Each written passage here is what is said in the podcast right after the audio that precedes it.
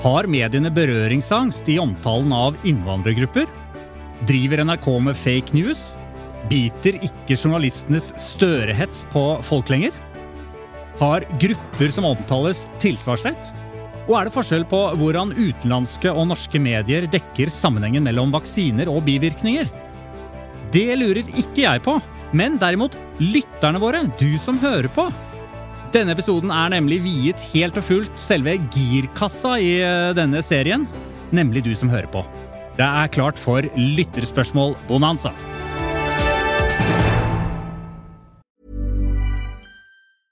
Hiring for your small business? If you're not looking for professionals on LinkedIn, you're looking in the wrong place. That's like looking for your car keys in a fish tank.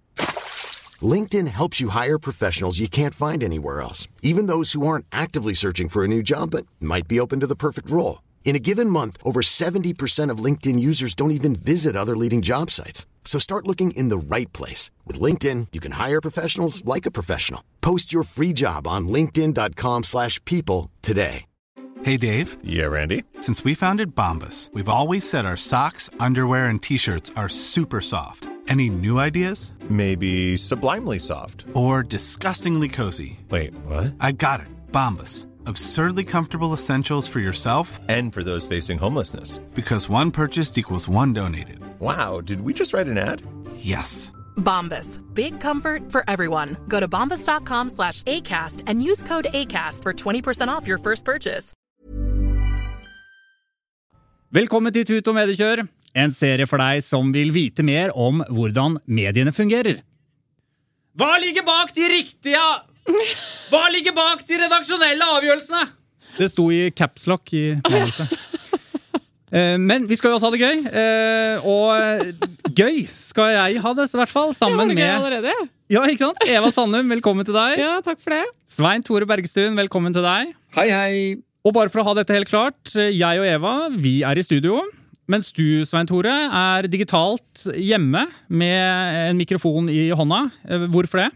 Jo, jeg er i eh, det man populært kaller eh, pappaperm. Det er, det er ikke mer enn populært. Det er jo ekte, Det er det vanlig. Det er det det heter. Ja, det er vel mer kjønnsnøytralt, egentlig. Det heter ikke foreldrepermisjon. Ja, det er riktig det. Ja. Men du, Men mer presist er pappaperm. Kristian, eh, velkommen som gjesteprogramleder, da, må jeg nesten si. Det, det er nesten sånn det føles akkurat nå, fordi du har vært så borte så lenge. Ja, det er sant. Jeg har vært borte. Har eh, Hva er grunnen til at du liksom nå tok turen? Vet du hva, Jeg har jo hørt litt på sendingene, og jeg må jo si dere har jo totalt glemt hva Tut og mediekjør skal være. Det skal jo, vi skal jo svare på lytterspørsmål. Hæ? Vi har jo ikke glemt lytterne våre. Altså, jeg, jeg, jeg Nei, hører der ikke nok. vil jeg legge en protest. Ja, Vi okay. svarer så blekket spruter på Facebook og mail og alt mulig, men du har rett i at vi ikke har hatt så mange lyttespørsmål i episodene. Det er de du har sniklytta på, da, antagelig. Og hvorfor har vi ikke det? Fordi vi er altfor glad i å prate. Ja. Ikke sant. Så det er jo derfor jeg er tilbake nå her. Jeg må bare rette opp tut- og mediekjøreskuta et lite øyeblikk. Ta en liten Ja. kursendring. Og så, så derfor så syns jeg vi bare kan sette i gang. Så du har med deg masse spørsmål i dag, du altså? Jeg har med meg masse spørsmål. Aha. Ja. Men Christian, før du starter, nå brukte du to metaforer. Først så var det girkasse. Det var snedig, rent bortsett fra at de fleste kjører med automat for tida, men det er greit. Og nå, hadde, og nå var vi plutselig en skute som skulle rette opp kursen. Det er viktig at du bruker eh, å være konsekvent enten på motoriserte eh, bilder eller da det som foregår eh, til vanns. Det er veldig viktig å ha konsistent metaforbruk, Ja. så ikke lytterne blir helt At du forvirret. velger deg en Så hvis du kan fortsette det. Ja. Og til nye lyttere så er da Svein Tore Bergestuen kommunikasjonsrådgiver. Det Og samme- kverulant. Og kverulant. Ja. og Eva Sanne, du er kommunikasjonsrådgiver også. Det er jeg. Ja, og ja. Hvordan syns du det går? Sånn jevnt over? jevnt over er det god kommunikasjon. All right. Ja. Dere, vi, vi starter jo selvfølgelig som alltid uh, Tut og mediekjør skal, eh, nemlig en liten runde rundt bordet. Hva har terget oss, preget uh, uka, som gjør at eh, mediene Hva er det du flirer av, Eva? Jeg bare er i godt humør. Ja, så deilig. Jeg syns det er godt å se deg. Det er bare det. Ja, du, Godt å være tilbake. Jeg er sikkert glad for at du er tilbake igjen. Og Svein Tore, du kan begynne. Det er tid for runden rundt bordet. Nettopp. Uh, jeg eh, har en rettelse eh, å komme med, og det er da min egen. Altså, det er jeg som har rett, rett og slett. Jeg skal ikke rette på andre denne gangen. Altså, eh, Jeg er jo, jo samtidig glad i, i nettsiden til VG som heter VG retter, og da bør jeg vel være like glad i å rette meg selv. Det Altså, etter- vil jeg si. Mm. Ja. Etter forrige episode så har jeg fått refs, eh, korreks, av min gamle sjef i Amnesty, Jon Peder Egnes, generalsekretær. For jeg sa nemlig, kom i skade for å si i forrige episode, da vi diskuterte menneskerettigheter og knyttet til boikott av uh, fotball-VM og sånn, så sa jeg at kinesiske myndigheter henretter tusenvis uten lov og dom. Ja. Det, Det det er en herlig vag eh, på med så, så stort tall. hadde, For å si det sånn, da. Hadde jeg vært eh, programleder i den episoden, så hadde ikke det bare sluppet unna. Nei, ikke sant. Nei, nå er det ikke primært tusenvis som er problemet. Uh, fordi uh, de henretter trolig tusenvis. Vi har ikke tallet, men det har, anslagene har jo gått fra 1000 til 10 000. Men eh, problemet er nok at jeg slang på litt for egen regning uten lov og dom. Eh, og i et menneskerettighetsperspektiv så er det veldig stor forskjell på å bli dømt og bli dømt uten lov og dom. Så Jon Peder Egnes har tatt seg bryet med å skrive inn Tallet på henrettede er ukjent, men helt sikkert veldig høyt. Men alle er, så vidt vi vet, dømt i en domstol, og alle dommene er sjekket i kinesisk høyesterett. Rettssikkerheten er ikke den beste i Kina, men det dreier seg ikke om utenomrettslige henrettelser. Vennlig hilsen Jon Peder. ok, greit. Okay. Men det er mange tusen, ja, men rett skal være rett. Rett Ja. skal være rett. Bra, det. Ja da, og det er ganske stor forskjell på utenomrettslige henrettelser og Ja. Så da fikk vi, eller jeg, eh, den. Takk. Takk for det. til herr Egenes, som tok seg bryet med å rette opp fakta. Så det setter vi pris på. Og veldig storsinnet av deg, Svein Tore, å rette seg selv. Det er jo det man skal gjøre, så jeg tenker det egentlig bare var å forvente. ja. Ja. Jeg er enig med begge. Greit. Ok, videre. Da er det deg, Eva. Ja. Vær så god. Hva jeg har eh, tenkt på og blitt frustrert over, og sånn som du pleier å innlede med. Nei, altså, jeg har brukt denne uka til å forberede vår og sommer. jeg. Så mitt hode har egentlig bare vært eh, nedi jorda i hagen, eh, stort sett. Men eh, jeg tenkte på en ting, fordi her om dagen så var det en, eh, en, eh, et innlegg fra komiker og forfatter Sofie Frøysa. Frøyså eh, i Medie24, som eh, du, Svein Tore, gjorde meg oppmerksom på for øvrig. Da, så skal du få kreditt for det, altså. Takk for det. Eh, hun reagerer på VGs retorikk i saken om anklager om overgrep i den svenske Paradise Hotel. Eh, og hun eh, er frustrert, eh, går det vel an å si, det er min gjengivelse, over at formuleringer brukes når dette omtales, som at de sier sånn Mener at de var utsatt for seksuell, seksuell trakassering. Eh, når man skriver en artikkel i en avis, sant, som VG, så, så skal de gjenfortelle at det er anklager, serien er tatt av lufta, det har skjedd ting i Paradise Hotel. Jeg kjenner ikke detaljene, jeg følger ikke med på svenske Paradise Hotel. Men jeg syns poenget hennes er interessant, fordi at Snikskryt.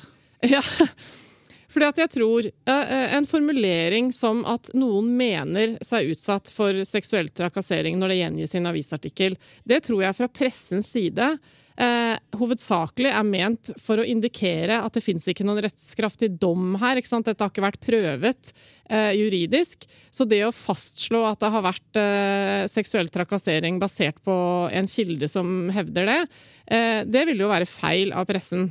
Mens hun opplever, når det står 'mener seg trakassert', som at det nærmest er en sånn eh, Å sette det i tvil, da. Det er sånn hun leser, leser det. Og så stiller hun spørsmål, spørsmål ved dette i innlegget sitt. Det syns jeg er litt interessant, for det er et eksempel på eh, hvordan journalistene liksom har sine tydelige og riktige regler eh, for eh, detaljer eh, i det de driver med, men som ikke alltid er så tydelig for publikum. Det, liksom, det er misforståelser her, da. Ja, og Svein Tore, du rekker opp hånda. Ja, jeg sitter hjemme vet og da med påkall oppmerksomhet. Eh, ja, dette er kjempeinteressant. Eh, og det er som du sier, at man kan ikke fastslå at noe kriminelt har foregått før det er behandlet i domstolen. Men så fins det eh, liksom noen mellomting her, da. For det finnes jo situasjoner der det er helt åpenbart at det har skjedd, og Blant annet fordi det, noen har innrømt det. At, ja, altså at, at, sakens fakta er sånn. Eksempel, tenk dere en mer alvorlig hendelse. da, At en, en mann har drept kona si. De er de eneste på stedet. Politiet kommer. Han har innrømt det. Han sitter varetektsfengslet. da er det ikke veldig mange som ville reagert på at eh, det ble sagt at eh, mannen eh, drepte kona si, eller har sagt at den drepte, da, så blir det helt riktig. Poenget er bare at det er ikke alltid man bruker de formuleringer, for da blir det nesten komisk at uh, hvis man skulle sagt at, uh, at, uh, at noen mente at noen hadde drept noen og vært til stede og sett det, så ser det plutselig litt rart ut. ikke sant? Og Derfor er språket veldig viktig, og det syns jeg hennes poeng er at mener seg utsatt for. Man kunne jo si f.eks. beskyldes for, eller beskylder han for. Da høres det, da høres det ut som en, en anklage, en beskyldning. Det er noe annet og høres annerledes ut at noen mener seg eller føler seg, eller hva det måtte være som slekter på det. Så man må, for, man må jo selvfølgelig ikke si noe som ikke er sant, men man må være bevisst på språkbruken, også fra journalistenes side, selv om de prøver Ja. å eh, på en måte sørge for at de ikke forhåndsdømmer noen. da. Ja, for jeg, Det var litt sånn som eh, da denne advokat Tor Kjærvik eh, ble drept, eh, det var vel i forrige uke. Eh, Så det er også en detalj som eh, man kan merke seg. At selv om det for oss eh, publikummere fremsto veldig åpenbart hvem som sto bak dette, og sånn, fordi at han var jo nærmest tatt på vei ut av døra, fikk man inntrykk av, så blir jo det også lagt frem med forbehold. Altså den antatte gjerningsmannen, nærmest, Ja. selv om eh, det er en smoking gun, eh, så å si. Eh, Og det er jo også av samme grunn, ikke sant? at det, det, er ikke fastslått av politiet. Det, det er, han er ikke dømt for det, så da må det legges inn et Men, ikke sant? Og, og her bruker man ofte begrepet 'skal ha tatt livet av', 'skal ha drept'. Mm. Det er mer aktivt. Så hvis du snur på det, istedenfor å si at en kvinne mener seg eh, seksuelt trakassert, eller mener ditten og datten, så kan man jo si at han, den det gjelder, skal ha. Mm. Da blir det en helt annen valør på det, ikke sant? Men her er vel en forskjell at eh, her har jo journalisten faktisk snakket med kilden som mener det. Men i sammenheng med Kjærvik så har jo ingen journalister snakket med noen av dem. Nei da. Men det, men det er forskjellen på om du tar, om, om du tar perspektivet allikevel likevel mener seg og skal ha. For det kan du øh, liksom bestemme selv. Så øh, språket er kjempeviktig her. Jeg er helt enig med henne, men man kan jo ikke da Sånn som jeg opplever at hun kanskje antyder, at man liksom bare kan slå det fast. Fordi selv i tilståelsessaker så vet vi ikke om tilståelsen er, er riktig. Sant? Mm. Detaljer i språket, det er yep. pressens eh, viktigste verktøy. bare fortsett setningen, Og du du, da? Eva. Du er inne på noe. Ja, jeg er inne på noe. Og du da, Christian? Ja, skal jeg ta har- noe her? Jeg har, ikke, har det ikke noen som har opprørt eller gledet deg i løpet av Jo. uka? Det er noe som har gledet meg. Jeg har lyst til å rose. Eh, Jeg syns Jan Petter Saltvedt er et friskt pust inn i sportsjournalistikken. Han eh, er en kommentator Ja, Jeg må bare le. Det? Er, ikke det at det er dårlig ånde, jeg mener ikke det, men frisk pust. Å karakter, karakterisere Jan Petter Saltvedt, som har jobbet i NRK-sporten i 175 år, som et friskt pust, det er jo Det er jo Det er Ja, men- fiffig men bruk av altså, språk, det òg, da. ja men det sier litt om, om hvordan han uh, har liksom fått en bra ny rolle som kommentator, for det har han ikke hatt. Han har laget veldig sånn uh, store dokumentarer om folk. Men nå er han inne og er kritisk til Bodø-Glimts treningsleir eh, i forhold, midt under koronakrisen. De trosset alle Ja. råd. Han er dypt kritisk til super, uh, li, Superligaen, Ja, som og Ja, der står han jo litt aleine, vil jeg si. jeg er kritisk til det. Å ja, for du var kritisk òg, Eva? Ja, altså Nå må ja. ikke du være ironisk, Eva, for det funker så dårlig på radio og podkast. Gjør det det? Jeg føler Når stemmen er med og jeg ler etterpå, så er det vel ganske åpenbart at jeg var ironisk. Er det ikke det? Jo da, jeg, jeg, jeg skjønte ironi, men det er kanskje verre der hjemme hos deg eh, når du Ja, er hjemme. jeg- når du er hjemme, vet du, så, Så er det ikke skjønner ironi. du ikke Når du er i ing- foreldrepermisjon, så er det veldig vanskelig å være påkobla. Det første som forsvinner i pappaperm, er ironien. ja. Ja.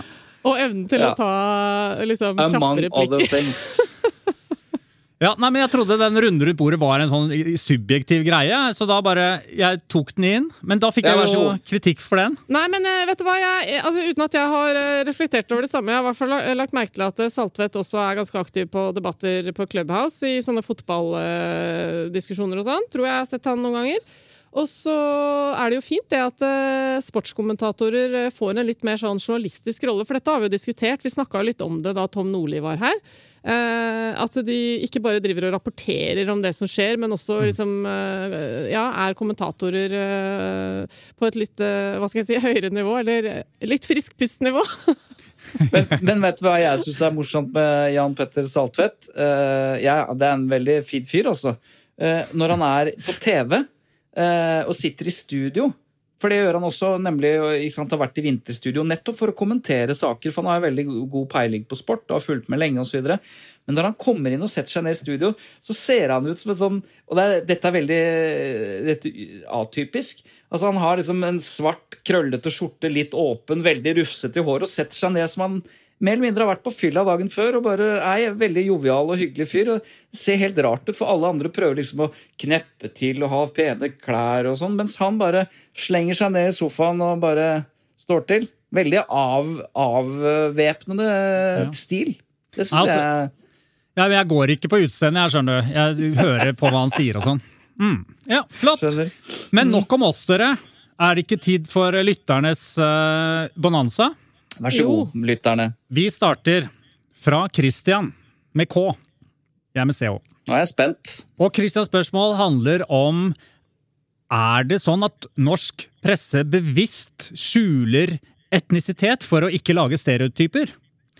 Og bakgrunnen for dette er jo da Kjetil Rollnes, som har tatt opp uh, flere ganger i det siste, um, blant annet i Medie24, om den store saken som VG hadde, hvor de brettet ut eh, om den brutale ungdomsvolden. Og eh, i, de, i denne svære saken til VG så eh, mener da Kjetil Rollnes at de har berøringsangst mot å eh, skildre hvem som faktisk står bak all denne volden. This Mother's Day, celebrate the extraordinary women in your life with a heartfelt gift from Blue Nile. Whether it's for your mom, a mother figure, or yourself as a mom, find that perfect piece to express your love and appreciation. Explore Blue Nile's exquisite pearls and mesmerizing gemstones that she's sure to love. Enjoy fast shipping options like guaranteed free shipping and returns. Make this Mother's Day unforgettable with a piece from Blue Nile. Right now, get up to 50% off at BlueNile.com. That's BlueNile.com. I'm Sandra, and I'm just the professional your small business was looking for. But you didn't hire me because you didn't use LinkedIn jobs. LinkedIn has professionals you can't find anywhere else, including those who aren't actively looking for a new job but might be open to the perfect role, like me. In a given month, over 70% of LinkedIn users don't visit other leading job sites. So if you're not looking on LinkedIn, you'll miss out on great candidates like Sandra. Start hiring professionals like a professional. Post your free job on linkedin.com/people today.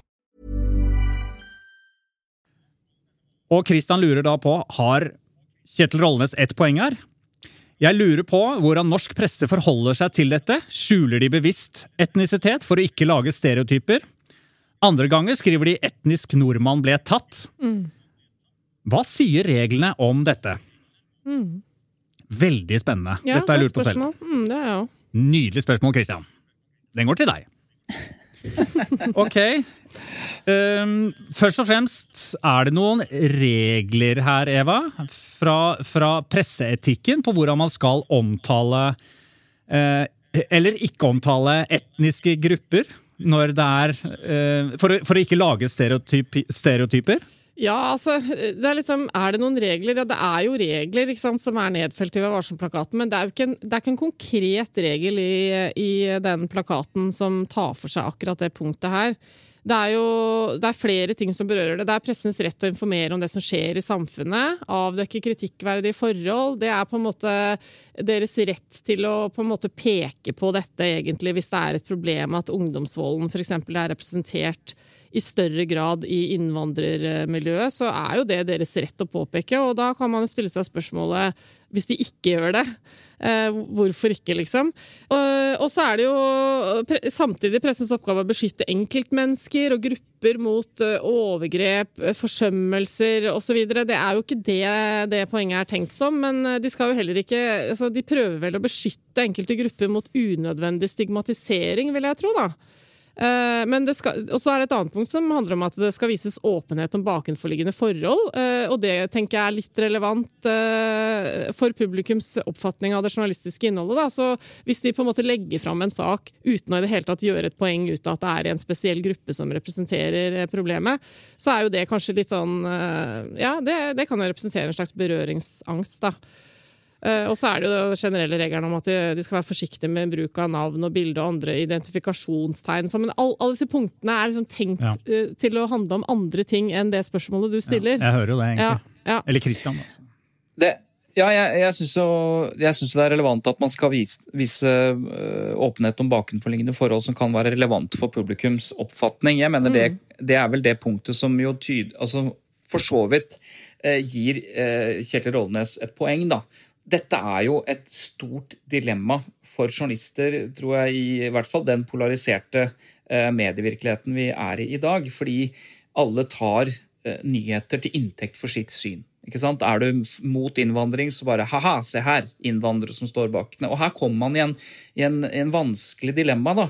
I Sverige så jo, eh, har man jo sett flere eksempler på både hvordan journalister og politi unnlater å informere om at det er innvandrere som står bak, fordi de ikke vil bidra til en ytterligere stigmatisering. ikke sant? Og Der har det jo nok gått altfor langt den andre veien. Men dette er åpenbart en utfordring for norsk presse også, når de velger å bruke du vet, sånne eh, anførselstegnsnavn, eh, sånn som her, da, med Sindre og Thomas. Og hvis det viser seg at eh, Sindre og Thomas egentlig har eh, navn som Ali og Mohammed, så er det jo miss... Altså, du, da fører det jo på sett og vis seerne, eller leserne bak lyset. Fordi at Sindre er et, eh, er et relativt norsk navn, så det er ingen som tenker da at Sindre er, er Mohammed fra, fra, fra Groruddalen, liksom. Så at man må jo man kan jo ikke skape falske etterlatte inntrykk av hva dette dreier seg om ved å bruke den type ting. da. Nå kjenner ikke jeg saken godt nok, jeg vet ikke hva VG har svart til sitt forslag, men, nei, forslag, forsvar. Men, eh, men jeg syns jo eh, lyttespørsmålet er relevant. Dette er et dilemma. Man skal ikke bidra til unødvendig stigmatisering, men man må jo selvfølgelig presentere fakta. Eva? Eh, Jeg syns det er eh, litt av det samme som har vært det en periode rundt det som ble omtalt som innvandrersmitten også, ikke sant? Mm, ja. At eh, det tok veldig lang tid før det ble dekket ordentlig av de fleste medier. Det, det, det, det faktum at smitten, koronasmitten var mer intens i enkelte miljøer og bydeler hvor det er høy innvandrerbefolkning, da.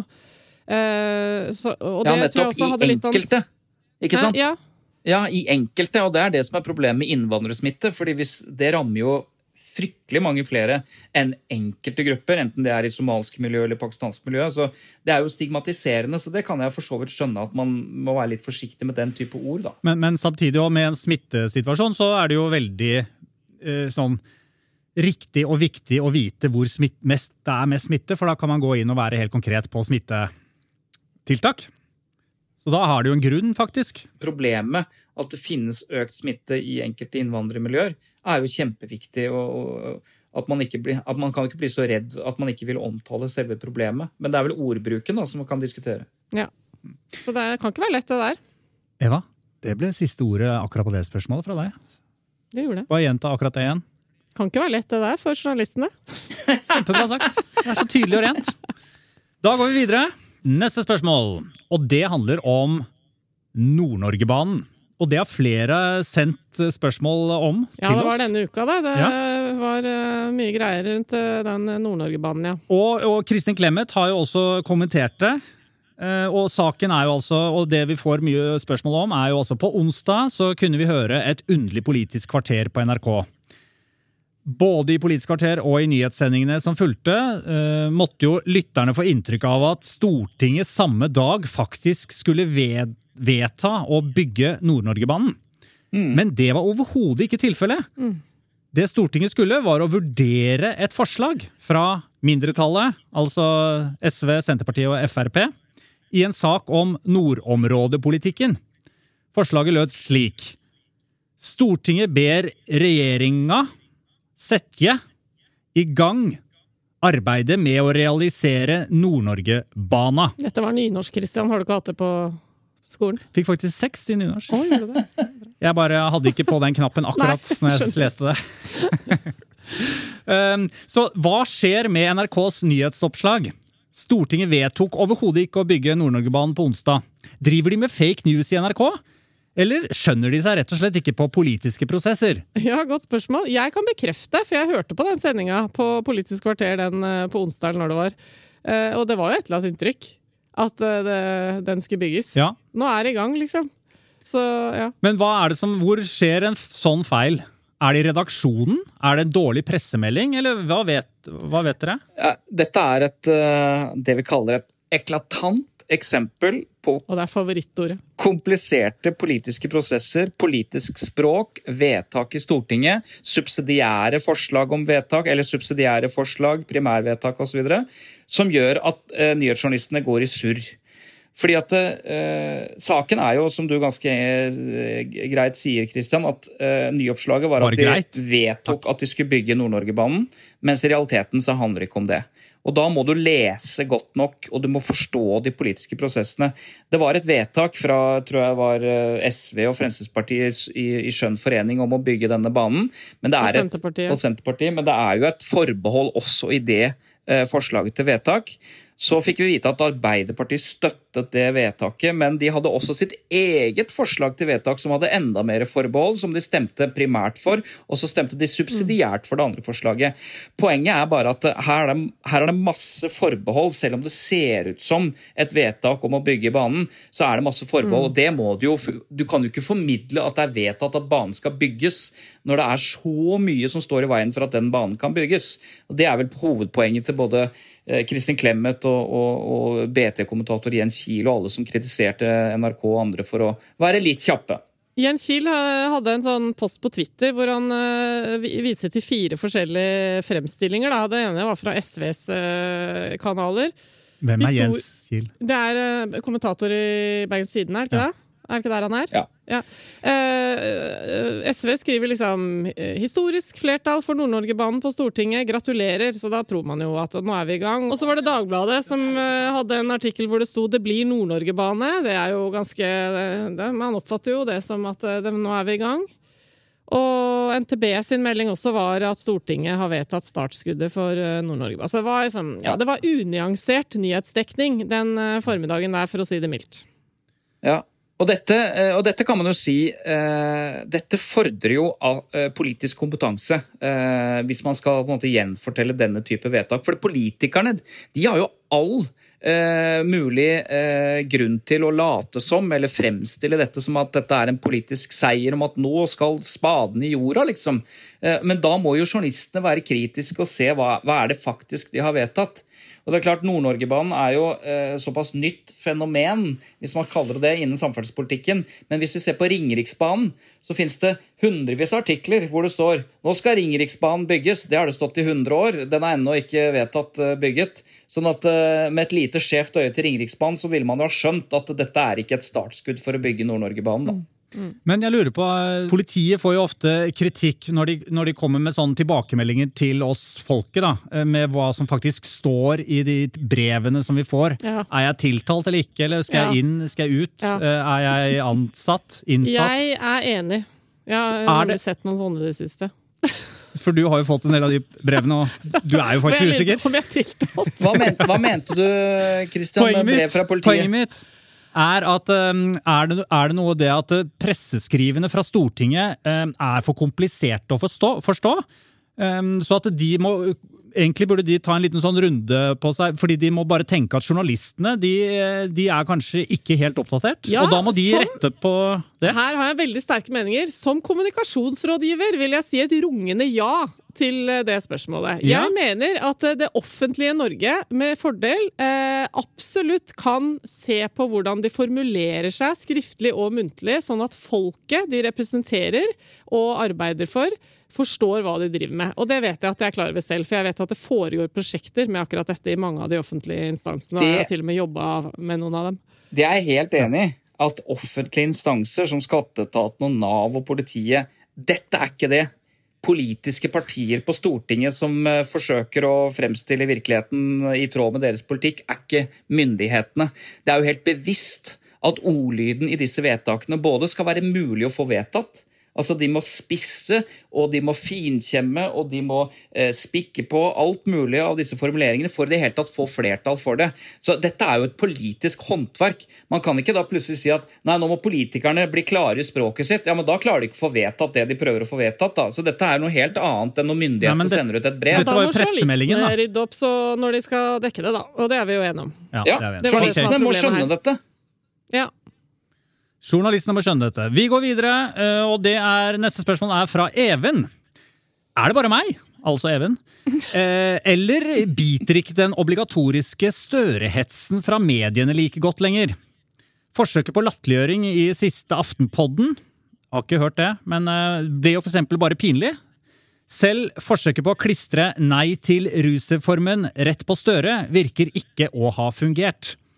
Ok, obligatoriske Støre-hetsen Funker den fortsatt, eller, er, eller, den, eller, preller den av Støre? Ja.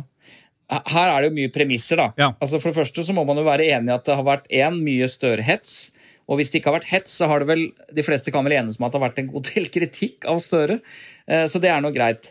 Ja, for eh, hets er jo et sterkt ord, ja. Men eh, det, som ja, jeg oppfatter ja. det, eh, er jo så, så, er jeg jo enig i at det har vært mye kritisk blikk mot Støre. Og mye, mye, journalistikk. Vi har jo diskutert det før også på TV 2, at det har vært mye sånn derre Er dere fornøyd med Støre? Altså, det virker som mm. de har vært litt ute etter han til tider, da. Ja, ikke sant. Erna, Erna kan surre rundt på kjøkkenet sitt, og alt ser helvete ut. Men ja. det er bare koselig. Støre kan sitte på sitt, og så er det alle flaskene i bakgrunnen som får full, full tenning. Ja. Mm. Men spørsmålet til Even er jo om eh, den Støre-kritikken, eller Støre-hetsen som han kaller det, da, om, om, den preller litt av, at han ikke virker lenger. Og det er et ganske interessant spørsmål. Mm. fordi det, det, er jo sånn med politikere, også med Erna Solberg, eh, at hun var jo utsatt for voldsom kritikk. Denne grå musa av en politiker, av en kommunalminister, som jo ble forsøkt nærmest presset ut av Høyre, altså fra Oslo Høyre, i den kampen om liksom makta i Høyre for mange år siden. Og nå er hun vært en stjerne og den lengstsittende statsministeren på år og dag. Altså, Dette går jo i bølger. Det er jo noe dynamikk her. at Hvis man har hetset eller eh, kritisert en politiker lenge nok, og det skjer noe endringer. da, Det må jo skje noen reelle endringer. At kanskje politikeren ikke er så halvgæren, og kanskje man gjør bedre ting. Sånn som Erna Solberg viste seg som en god leder. Så snur jo den dynamikken. Og hvis du ikke får med deg at den dynamikken har snudd, sånn som jeg oppfatter liksom, spørsmålet her, at du kan ikke bare fortsette med å kritisere hvis du ikke ser litt hvordan landskapet ellers rundt nå endrer seg. For nå begynner jo målingen om at Støre er mer populær, og det, det er noen ting som er i ferd med å skje. Ja. Da, og da høres det kanskje dumt ut hvis du på autopilot bare fortsetter med Støre-kritikk. Det oppfatter jeg, og det tror jeg han er rett i. Det er veldig fristende nå, for det er jo ikke noe hemmelighet at vi er kommunikasjonsrådgivere. Jeg bør også for, for øvrig informere om at du er en Ap-mann, Svein Tore, for de som ikke vet det. Sånn at det er tydelig når vi snakker om dette. Men, du det, ville jo helst at vi ikke skulle si noe om det, men vi, vi eh, fant ut at vi måtte si noe om det. ja, Hvis ikke det har vært tydelig, så Men Nei, det er helt riktig. Jeg har nemlig fått en kommentar i gang om at det burde vært nevnt. Jeg husker ikke hvilken sammenheng det var. Um, ja. uh, nei, jeg bare tenker at det, det, dette driver jo vi med som er kommunikasjonsrådgivere rådgivere når vi snakker om roller i kommunikasjon. Disse endrer seg jo. ikke sant? Folks roller og, og, og figurers roller uh, flytter litt på seg da, etter hvert som uh, historier uh, trer frem. Mm. Og det syns jeg dette jo også er et slags eksempel på. Så, men nå kommer Støres standhaftighet til syne. Så Even, ja. Forsøket på Størehetsen den funker ikke så godt lenger. Nei, det er svaret. Videre. Ok, Da er det fra Kristin her. Det er godt at du sa det, som er en Fremskrittspartimann, da, Kristian. ja, da må vi videre her. Nei, men tenk, Ingen altså vet hva jeg er. Jeg må si jeg er veldig politisk forvirret, eh, men det kan vi kanskje ta en egen episode. Ja, det kan vi gjøre. Eh, men jeg har ikke stemt eh, Fremskrittspartiet. Det har jeg ikke. Nei, se, Han måtte si det. Han ville ikke ha det stigmaet. Nei, men jeg, det var jo det, Men hårtransplantasjon, det har jeg tatt. Ja. Det fungerte jo så som så. Fikk du den ut? um, ok. Du, vi har et spørsmål her fra Kristin. Tusen takk for kloke, morsomme, innsiktsfulle episoder. Oi, oi, oi. Vi kan jo egentlig bare stoppe der. Ja. um, jeg syns det hadde vært spennende å høre deres tanker rundt mediedekningen av koronafornekteren fra Gran. Mediene går ut med fullt navn, obduksjonsrapport og forteller om samlinger på gården hans uten synlig dokumentasjon. Hvorfor har Gaarder et svakere personvern enn drapsmenn og voldtektsdømte? Altså, ja. Vi snakker jo her om da Gaarder som eh, var total skeptiker til korona, og så fikk han korona, og så døde han.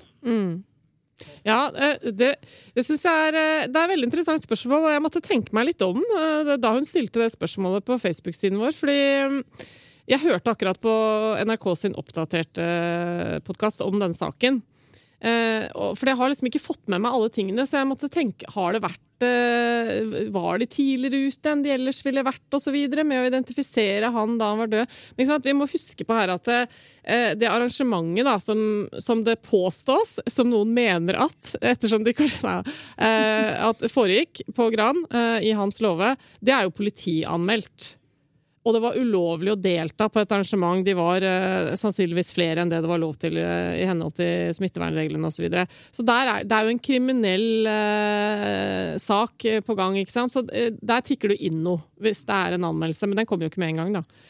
Eh, og så fikk jeg vite denne podcasten på at smittesporingen etter dette arrangementet har jo vært veldig vanskelig. Mye vanskeligere enn det ellers er for smittesporingsteamene når de ringer rundt og vet om et koronatilfelle. Eh, fordi alle som, eh, eller mange av de som de, henvendte seg til, var sånn Nei, vi har ikke noe troa på det dere driver med, vi tror det er bare ikke sant? Vi tror ikke noe på koronaviruset. Så det er jo en sak for mediene å belyse dette problemet. Det er det jo. Eh, Men, og så er det jo også sånn at mediene var litt usikre altså før det ble kjent alt dette du sier nå. ikke sant? Når det bare var at de visste at én person, og ikke hvem som helst, men en koronafornekter og konspiratoriker dør av korona, så, er det, så, så trer jo inn en slags sånn skjebnens ironi som er jo veldig attraktiv for mediene. Men det skal sies at i starten så var, var det noen medier som helt bevisst ikke identifiserte han. Eh, og så var det noen medier som valgte å identifisere ham på det tidspunktet. og Da var det en reell diskusjon i redaksjonene om hvordan man skulle gjøre dette. Så man kan ikke bare fordi det er Det er jo en god sak. En konspiratoriker som ikke tror på korona, dør av korona. Hallo, la oss, eh, la oss snakke om det. Men det er klart at det, det er et poeng i spørsmålet her. fordi at det er et personvern som fortsatt gjelder når det gjelder f.eks. helseopplysninger og den type ting. Men for det, det, det har jeg ofte lurt på, det er litt dette spørsmålet handler om egentlig. Når kan man gå ut med at dette er gorder, eh, dette er loven? At, at det blir så veldig konkret. da. Er det sånn at avisene venter på hverandre? Eh, Oi, nå ser jeg de gjør det, da gjør vi det. Er det en avtale Ja. eh, avisene gjør med hverandre om sånt? Jeg tror svaret på det siste er nei. Det er, de driver ikke og avtaler seg imellom, for det tror jeg de sånn bevisst eh, ikke driver så mye med. Men eh, det første tror jeg du har litt rett i, at det noen ganger, ikke nødvendigvis her, men at det noen ganger er litt sånn at de liksom ser til hverandre. Men vi har også snakka om det før, at det, i noen saker som er litt etisk vanskelige, eh, så ser man jo også at de ulike redaksjonene faller ulikt ned. Altså Noen velger å identifisere i kriminalsaker, andre velger å ikke gjøre det. Eh, og det kan jo fremstå for oss i publikum som litt sånn dustete, for at Ja. det, da er jo skaden skjedd. Det har ikke så mye å si om Aftenposten velger det ene og, og Bergens Tidende det andre, liksom. Og det mest komiske, som jeg tror vi har nevnt i en veldig tidlig episode i Trut og Mediekjør, var jo da NRK hadde, NRK hadde bestemt seg for å ikke identifisere. Og så var det en Dagsnytt 18-debatt hvor det satt to andre som snakka om hvem det var, mens programlederen ikke hadde lov. Så det ble sånn ja, mannen, og de andre sa navnet. Det ble jo helt uh, Ja, ja, Men- men det er klart- Du, Vi sa jo i starten at vi skulle ha det gøy. Dette syns jeg var gøy. Men når tilhengerne til denne eh, skal vi si, samlingspunktet og denne samlende skikkelsen for konspiratorikere i Norge, som jo Gaarder var, begynner å hylle han, og, og, og, og det blir demonstrasjoner, og de har, eh, har minnetaler til ære for han, så blir det veldig vanskelig på det tidspunktet å ikke skrive om eh, at han er død, og at han da er død av korona, at de avviser det, osv. Så, videre. så det er ikke noe tvil om at det blir vært veldig rart sånn som saken står i dag, å ikke identifisere. Det har nyhetens eh, og allmennhetens interesse, ikke bare nysgjerrighet. Uh, og så, så Sånn sett så syns jeg, synes jeg ikke det er problematisk. Og allmennhetens interesse går da over personvern. Nei, nei det, det vil være feil å fastslå. Jeg tror, ikke sant? Eh, Det, det at et menneske er død, er jo på en måte Det er offentlig. Det er ikke hemmelig. Det er ikke hemmelig. Det, det er offentlig. Men så tre, og når det er stadfestet at eh, dette mennesket har omkommet, så er jo det på en måte informasjon som er tilgjengelig. Og så er jo den presseetiske vurderingen om har vi noen grunn til å opplyse allmennheten om det. Og i denne saken her så er det jo flere ting. For det er koronarelatert, eh, det er forbundet med konspirasjonsteorier som er farlige midt i en pandemi, eh, det er et ulovlig arrangement. Det er mange ting som spiller inn her, da. Og det som også spiller inn her, er jo de pårørende. Eh, For de Ja. pårørende har jo også eh, uttalt seg, og de var jo veldig fortvilet, annet har sagt til media om at han ikke oppsøkte helsehjelp eh, nettopp pga. at han mente at det ikke var eh, korona. Sånn at, eh, ja, Så det er flere ting som spiller inn i vurderingen. Det er riktig, og det er et viktig poeng òg. For det er jo en regel i Vær varsom-plakaten som, eh, som handler om at man skal ta hensyn til hvordan omtale av ulykker og kriminalsaker osv. kan virke på ofre og pårørende. Så hvis dette hadde vært veldig ubehagelig for familien osv., eh, og de ikke ønsket at dette skulle komme ut, så er det en vurdering også. Men her var de aktivt eh, medvirkende, da. eh, Med informasjon til pressen. Vi rekker et siste spørsmål før vi runder av. Er dere klare? Ja, Ja. ja. Det er fra Kristine. Altså, har vi bare lyttere med K? Har, har vi ja det, ja, det kan er, vi det er vi kjent for. Vi er Vi er kjent, for det. kjent for det. Det er en Ja, podkast med flest, uh, flest lyttere med navn på K. Vi fikk jo den prisen, vi stemmer det. Uh, flest lyttere med K. Ja. Dette er jo da fra Kristine. I sju år har jeg nå observert hvordan den negativt lada medieomtalen av ME-pasienter har bidratt til hvordan jeg selv blir møtt av helsevesenet og ellers i samfunnet. Hvis ME-pasienter hadde økt rett til samtidig imøtegåelse og tilsatsrett, så ville ikke de uriktige fordommene mot oss være like utbredt. Så spørsmålet her er jo rett og slett Har en gruppe mennesker, i denne sammenhengen ME-pasienter, eh, noe slags sånn rett på en tilsvarsrett som gruppe? Og hvordan løses det eventuelt? Det, det er veldig interessant. Ja, det er interessant. og så er jeg litt usikker på om det er Kristine som faktisk har skrevet For det første du leste som forklarer dette, det er jo sant, på underskrift.no så kan du lage en sak, og så kan du spre den ut eh, der du ønsker, og så kan du få eh, så mange som mulig til å skrive under på den. Og, for dette har jeg vært med på en gang. Og da, da, hvis det er nok underskrifter, så må den behandles. Eh, politisk. Eh, altså, Ja. jeg, ja, så Ja, det så, er så det du leste, Christian, var fra den underskriftskampanjen? Det var fra den underskriftskampanjen? som handler Også- om eh, samtidig møtegåelse Ja. gjelder ikke for alle-aktig. da. Eh, Det er ikke så farlig, men det er bare for Også- å presisere det. Jo, men det er fint. Ja. Uh, og Ja, det er så det er ikke. Kristine som sier at hun i sju år har observert dette? Nei, hun viser det- til det? Ja. Nei, det var det. Nettopp. Men Her var det kluss i manus, for å si det sånn. Basically så er spørsmålet hennes har grupper rett på samtidig imøtegåelse eller tilsvarsrett, f.eks. ME-pasienter eller eh, eh, svarte eller eh, blonde eller Eller, eh, tran, eller, eller i transdebatten er det veldig Eller oss som blir fort forkjølet. Og svaret er nei, egentlig. Ok. Ja. Eh, fordi at det, det går ikke an å rette. Eh, altså, med mindre kritikken er eh, faktuell og konkret og rettet mot noen, så kan du ikke gi svar til en gruppe, ikke sant? Men du kan jo, du kan jo, det er jo en leder for en støttegruppe som du kan forholde deg til, som representerer. Kan du ikke da Ja, få så det vil tilsvar fra fra den gruppa, da? Ja, det vil jo være Jo, tilsvar fint, er jo greit. Jeg må bare understreke da, at tilsvarsrett, det er jo egentlig Hva er det for noe en- igjen? Det, det er jo retten til å få svare på kritikk i etterkant. Eh, når, når du har blitt utsatt for et eller annet som ikke liksom, er såpass alvorlig at eh, journalistene har vurdert det til samtidig imøtegåelse, altså at du skal få svare der og da. Tilsvarsretten er jo at det, her har det vært såpass mye anklager mot et, meg eller mitt eller et eller annet, at jeg bør ha rett til å få mitt ord på trykk i etterkant. ikke sant? Så det er jo ikke, Vi må ikke blande med at det tilsvarsrett er sånn at oi, her er tilsvarsretten utløst, så nå må vi kontakte noen. For det Skjønner dere hva jeg mener? Altså, hvis du, hvis, du, hvis du sitter som journalist og skal skrive en sak, og noen, en av kildene dine, kommer med en anklage mot noen som er faktuell, altså helt konkret, så skal det tikke inn her er retten til samtidig imøtegåelse eh, utløst. Vil si at den som blir kritisert, må jeg ta kontakt med, sånn at den får lov å forsvare seg i samme artikkel. Det er samtidig imøtegåelse. Da må journalisten aktivt gå ut uh, og sørge for dette. Sånn at ikke folk leser masse dritt om meg, og så må de vente til neste uke med å høre hva jeg har å si til det. Men uh, tilsvarsretten er bare den retten jeg da eventuelt har, hvis ikke kritikken er så konkret, til å liksom ringe til VG da, og si at vet du hva, Eh, Jeg syns det var så drøyt, det som sto om eh, meg eller min bedrift eller den organisasjonen jeg jobber for, og sånn, at eh, jeg krever liksom å få mitt innlegg på trykk, selv om kanskje debattredaktøren egentlig syns at eh, kan vi ikke være ferdig med dette nå? Forstår dere hva Altså, jeg mener? Ja, jeg forstår uh, hva du Ja, mener. du, ja, men du kan jo dette. Hvis lytterne også forstår det. Nei, men Poenget er at det er flere måter å balansere dette på. ikke sant? At vi, La oss si Aftenposten skriver en artikkel i denne veldig veldig betente ME-konflikten. For vi må jo da understreke at denne ME-diskusjonen er altså Her er det så mye hat og så mye eh, konflikt og så mye greier.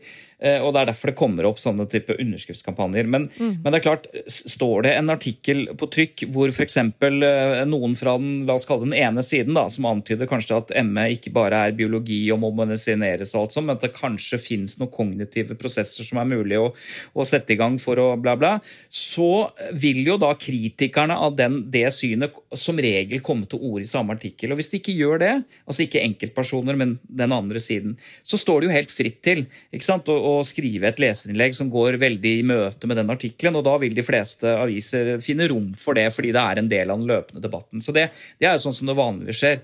Men det hun egentlig spør om, er om, og som Eva har svart, nei, det er ikke sånn at grupper har rett til samtidig imøtegåelse. Eh, fordi det ligger jo hele liksom, i kjernen av, av det som ligger til grunn for samtidig imøtegåelse, at det er beskyldninger mot enkeltpersoner.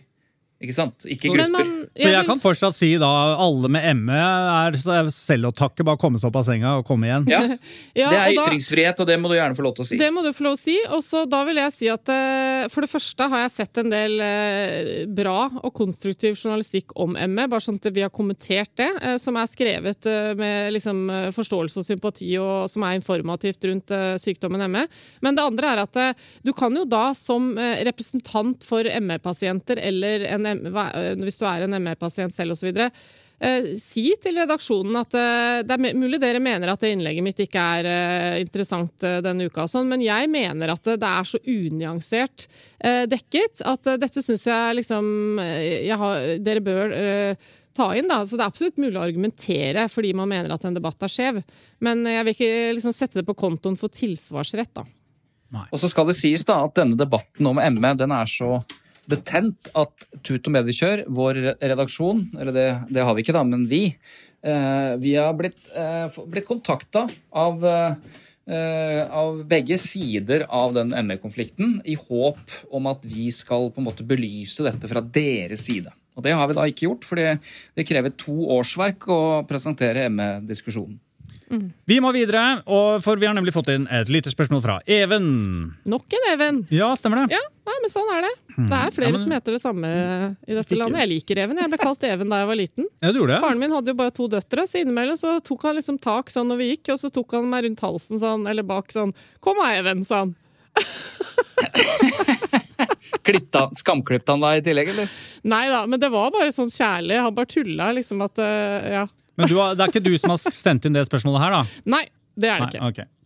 Greit. Dette er en ekte Even der ute um, som skriver Er det forskjell på hvordan utenlandske medier og norske dekker sammenhengen mellom vaksiner og bivirkninger? Vi har akkurat hatt en heftig diskusjon rundt kjøkkenbordet om medienes ansvar for vaksi vaksinemoralen. Ah, det her syns jeg er veldig interessant, eh, faktisk, altså. Ok?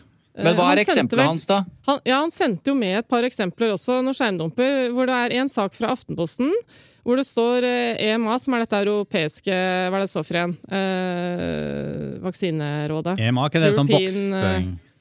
Eh, mulig kobling mellom blodpropp og Janssen-vaksinen, har Aftenposten skrevet.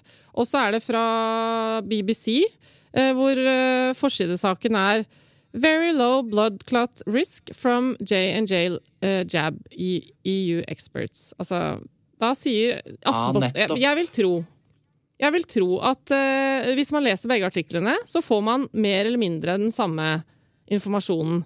Nemlig at, uh, at det er lav risiko for blodpropp med, også med denne vaksinen, men det er uh, funnet uh, liksom grunn til å se en forbindelse mellom blodproppen og vaksinen osv. Men at risikoen er ekstremt lav. Men så er det bare vinklingen på forsiden som blir veldig annerledes. Og det er jo det han spør om. Er det et ansvar her? Det er veldig her? interessant. Ja. Altså, men har dette egentlig bare med hvilken journalist som spisser setningen på overskriften i saken å gjøre? Ja, det kan du si at eh, til syvende og sist så er det jo hvem som skriver hva på desken der. Men, eh, men det er også en slags holdning, da, ikke sant, om eh, For det, det lytteren lurer på, er jo Er det noen som tar et ansvar for ikke å skrive ting på front? Det er jo veldig mange som bruker fronten på VG litt som feeden på Facebook. At man bare scroller for å få med seg hva som har skjedd i det siste, og dermed ikke leser noe mer enn de overskriftene. Jeg syns Ja, dette er kjemperelevant. så-. Det er veldig stor forskjell på det etterlatte inntrykket av følgende overskrifter. Mulig sammenheng mellom vaksine og blodpropp. Wah! Nå skriver de ikke wah, da, men eh, det er skummelt, ikke sant? Mulig greier. Det er veldig stor forskjell på den overskriften i den engelske avisen hvor det står 'veldig lav sammenheng mellom eh, blodpropp og denne vaksinen'. Altså, det er to Ikke vel lav sammenheng, men lav risiko. ikke sant? Ja. Jeg er lav risiko. Eh, og når jeg snakker med mine foreldre da, som har passert 70 og sånn, det eneste de snakker om er at AstraZeneca-vaksinen er livsfarlig. Altså, det er den, det er den samme vaksinen de har vaksinert hele Storbritannia med. Så, så veldig, ikke sant? Sånn at det, det, altså, Nyansene her, at, at, eh, at risikoen er veldig lav, det blir borte når man overfokuserer på at det er en sammenheng, og, og det blir overskriften. Så jeg syns, norske medier eh, har veldig mye å lære og bør tenke seg om at det er ikke nødvendigvis det mest spektakulære som skal opp på fronten. Det er jo, eh, altså Man snakker om at overskrifter skal være ikke sant? Man skal trekkes inn i det i artiklene, skal være, skape nysgjerrighet. Det kan jo være like stor nysgjerrighet i Corona Times hvis overskriften er 'svært lav sammenheng' enn å si at det er sammenheng. Så at det, det, det, det må ikke gå på autopilot at de skal krisemaksimere, og det er poenget til Even, tror jeg. Og, og, og det, ja, det er Men, men, viktig. men er- ligger det i det da du sier nå, at du tenker at eh, det er en forskjell på krisemaksimering blant utenlandske medier og norske medier? Ja, det er jo det han lurer på, da. Og det har vi jo faktisk hatt eh, en annen lytter eh, som eh, skrev inn til oss. Vi snakka om det i en annen episode, det med dekningen i Spania. Han skrev jo at eh, inntrykket hans eh, fra mediene der var at eh, eh, de bidrar i mye større grad til å liksom skape den entusiasmen rundt at nå må vi komme oss gjennom vaksinen. og at Han så ikke den samme kritikken som, eh, som norske medier eh, kommer med her. da. Nå rekker Svein Tore opp hånda igjen. Det er ikke rekke opp, det er jeg, replikk. jeg tror det er vanskelig Jeg tror ikke vi skal konkludere på at eh, utenlandske medier, som jo er mye greier, at de er noe bedre. Men det er nok sånn at enkelte utenlandske publikasjoner og aviser som eh, liksom tar sin ære i å være nyanserte og tydelige og faktaorienterte, kanskje Kanskje har noen av de et større bevissthet rundt nettopp dette, hvorav norske medier har en litt stor tendens på å gå på autopilot og krisemaksimere og legge inn den overskriften som skaper på en måte wow-effekten. Mm. Uh, så dette, er, dette kan vel være bare en oppfordring da, til at, uh, å si at uh, hvis det skaper et etterlatt inntrykk som er feil, nemlig at, den, at man overfokuserer på en sammenheng, så, så bør man ikke presentere det på den måten. For det gjør at folk blir livredde, da. Ikke sant? Det er jo litt på, det handler jo om hva de legger på forsiden, nettopp av den grunnen uh, som vi snakket om, at folk scroller bare forbi. Da. Og da vil jeg bare kaste inn et annet litt spørsmål fra Øystein, som handla om uh, egentlig det samme. da. Hvor han uh, viser til en skjermdom fra Dagbladet. Nå er dette lov igjen. Bilder av deilig iskald øl. Hvor sola skinner igjennom. Altså, jeg blir tørst bare jeg ser det. Eh, og da står det jo 'nå er dette lov igjen', og da vil jeg tro at veldig mange klikker eh, på den saken, og da finner du ut at eh, det er ikke det det handler om Storbritannia. Men, men problemet her er jo at hvis man bare scroller, da, så kan man komme til skade for å oppfatte at nå er det åpent igjen. Og det er jo ikke helt heldig. Men altså, Det er ikke like alvorlig, men det er samme poenget, da. Ikke sant. Mm. Dere, vi må avrunde her. Vi må slutte. Men rekker, rekker vi bare et jeg, jeg, jeg, så, jeg så helt nederst et spørsmål som egentlig er en kritikk av oss. Og det er jo, da er vi rause hvis vi tar med det bare helt til slutt. Ja, fra laget. For laget skriver eh, Jeg fant det her, eh, Christian. Altså, eh, det refererer til den episoden hvor Eva og jeg diskuterte Eller snakket om liksom prosessen, hvordan et portrettintervju ble til. Altså, Da Eva ble portrettert av Aftenposten, så, så var vi liksom så fortalte vi hele prosessen rundt det for å, for å vise litt hvordan journalistikken blir til, og hva som skjer i kulissene og osv. Og, og da spør laget Eva og Svein Tore er kommunikasjonsrådgivere i eget selskap. Eh, burde dere reflektert og vurdert eller opplyst om at denne episoden derfor ligger i grenseland til produktplassering? Ja, for jeg var ikke Eva. med på den, så det blir jo veldig sånn mm. Sandum og Bergestuen. eh. Ja, altså Det, det Og det er jo kritikken òg, ikke sant? Ja. At det er Sandum og Bergestuen her. Ja, altså, det, men det er litt sånn uh, definitivt Hvis vi hadde vært eh, en del av en, eh, en redaksjon, eh, et, et redaktørstyrt medie, så hadde det jo definitivt vært det. Skulle bare mangle at ikke det kom tydelig frem hvilken rolle vi hadde. Hadde ikke dermed sagt at vi var diskvalifisert til å kunne gjøre en sånn jobb med å lage en podkast. Men det er et relevant spørsmål, eh, og jeg- jeg mener at svaret på det er at vi er ganske Vi prøver så ofte vi kan å være tydelige på det. Du omtaler oss jo som kommunikasjonsrådgiver og sånn. Og for å være ærlig, grunnen til at ikke vi driver og sier sånn Sandemo Bergestuen og AS liksom hele tiden, er jo egentlig av den grunnen som han er inne på, at vi ikke ønsker å bruke denne podkasten til å drive og snakke hele tiden om vårt firma sånn, for det er ikke derfor vi gjør dette her. Altså, dette gjør vi eh, som et sideprosjekt på frivillig basis, eh, mest relatert til vår egen interesse for medienes metoder osv. Men, men, Men- premisset hans er jo da? Men premisset hans er jo at eh, når vi diskuterte den Aftenposten-intervjuet, så, så ga jo jeg deg på en måte råd som kommunikasjonsrådgiver. Gikk i den rollen der, og da må du tenke på det. Så det er det han tenker på, at den Ja. måten å gi råd på er en slags Det er jo det vi driver med til vanlig, så derfor Ja. er Så det episoden frem, ja, nærmest sånn, å vise, eller anses som en produktplassering, da. Jeg må si at det tenkte jeg ikke på. Nei. eh, Burde du det? Burde du det, Svein Tore?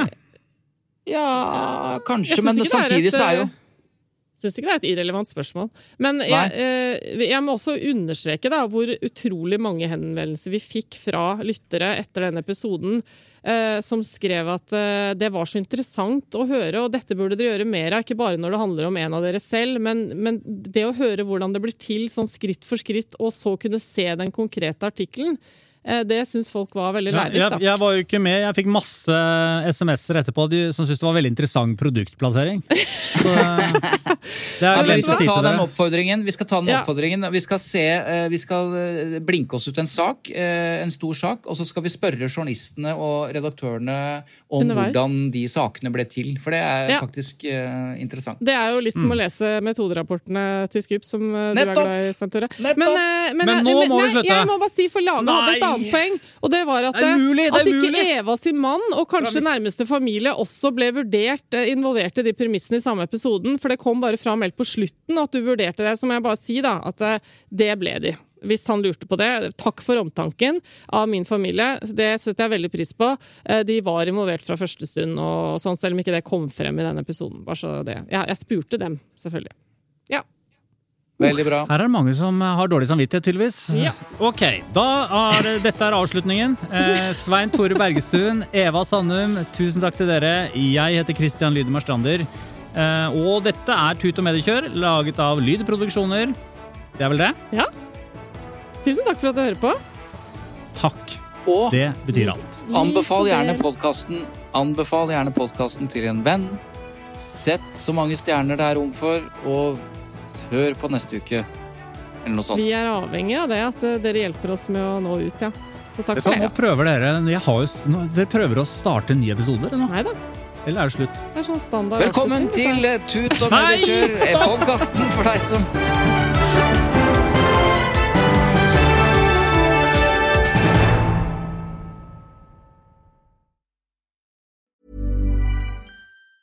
Hi, I'm Daniel, founder of Pretty Litter. Did you know cats tend to hide symptoms of sickness and pain? I learned this the hard way after losing my cat, Gingy. So I created Pretty Litter, a health monitoring litter that helps detect early signs of illness by changing colors, saving you money and potentially your cat's life. Pretty Litter is veterinarian developed, and it's the easiest way to keep tabs on your fur baby's health right at home. Go to prettylitter.com and use code ACAST for 20% off your first order and a free cat toy. Terms and conditions apply. See site for details. Planning for your next trip? Elevate your travel style with Quince. Quince has all the jet setting essentials you'll want for your next getaway, like European linen, premium luggage options, buttery soft Italian leather bags, and so much more.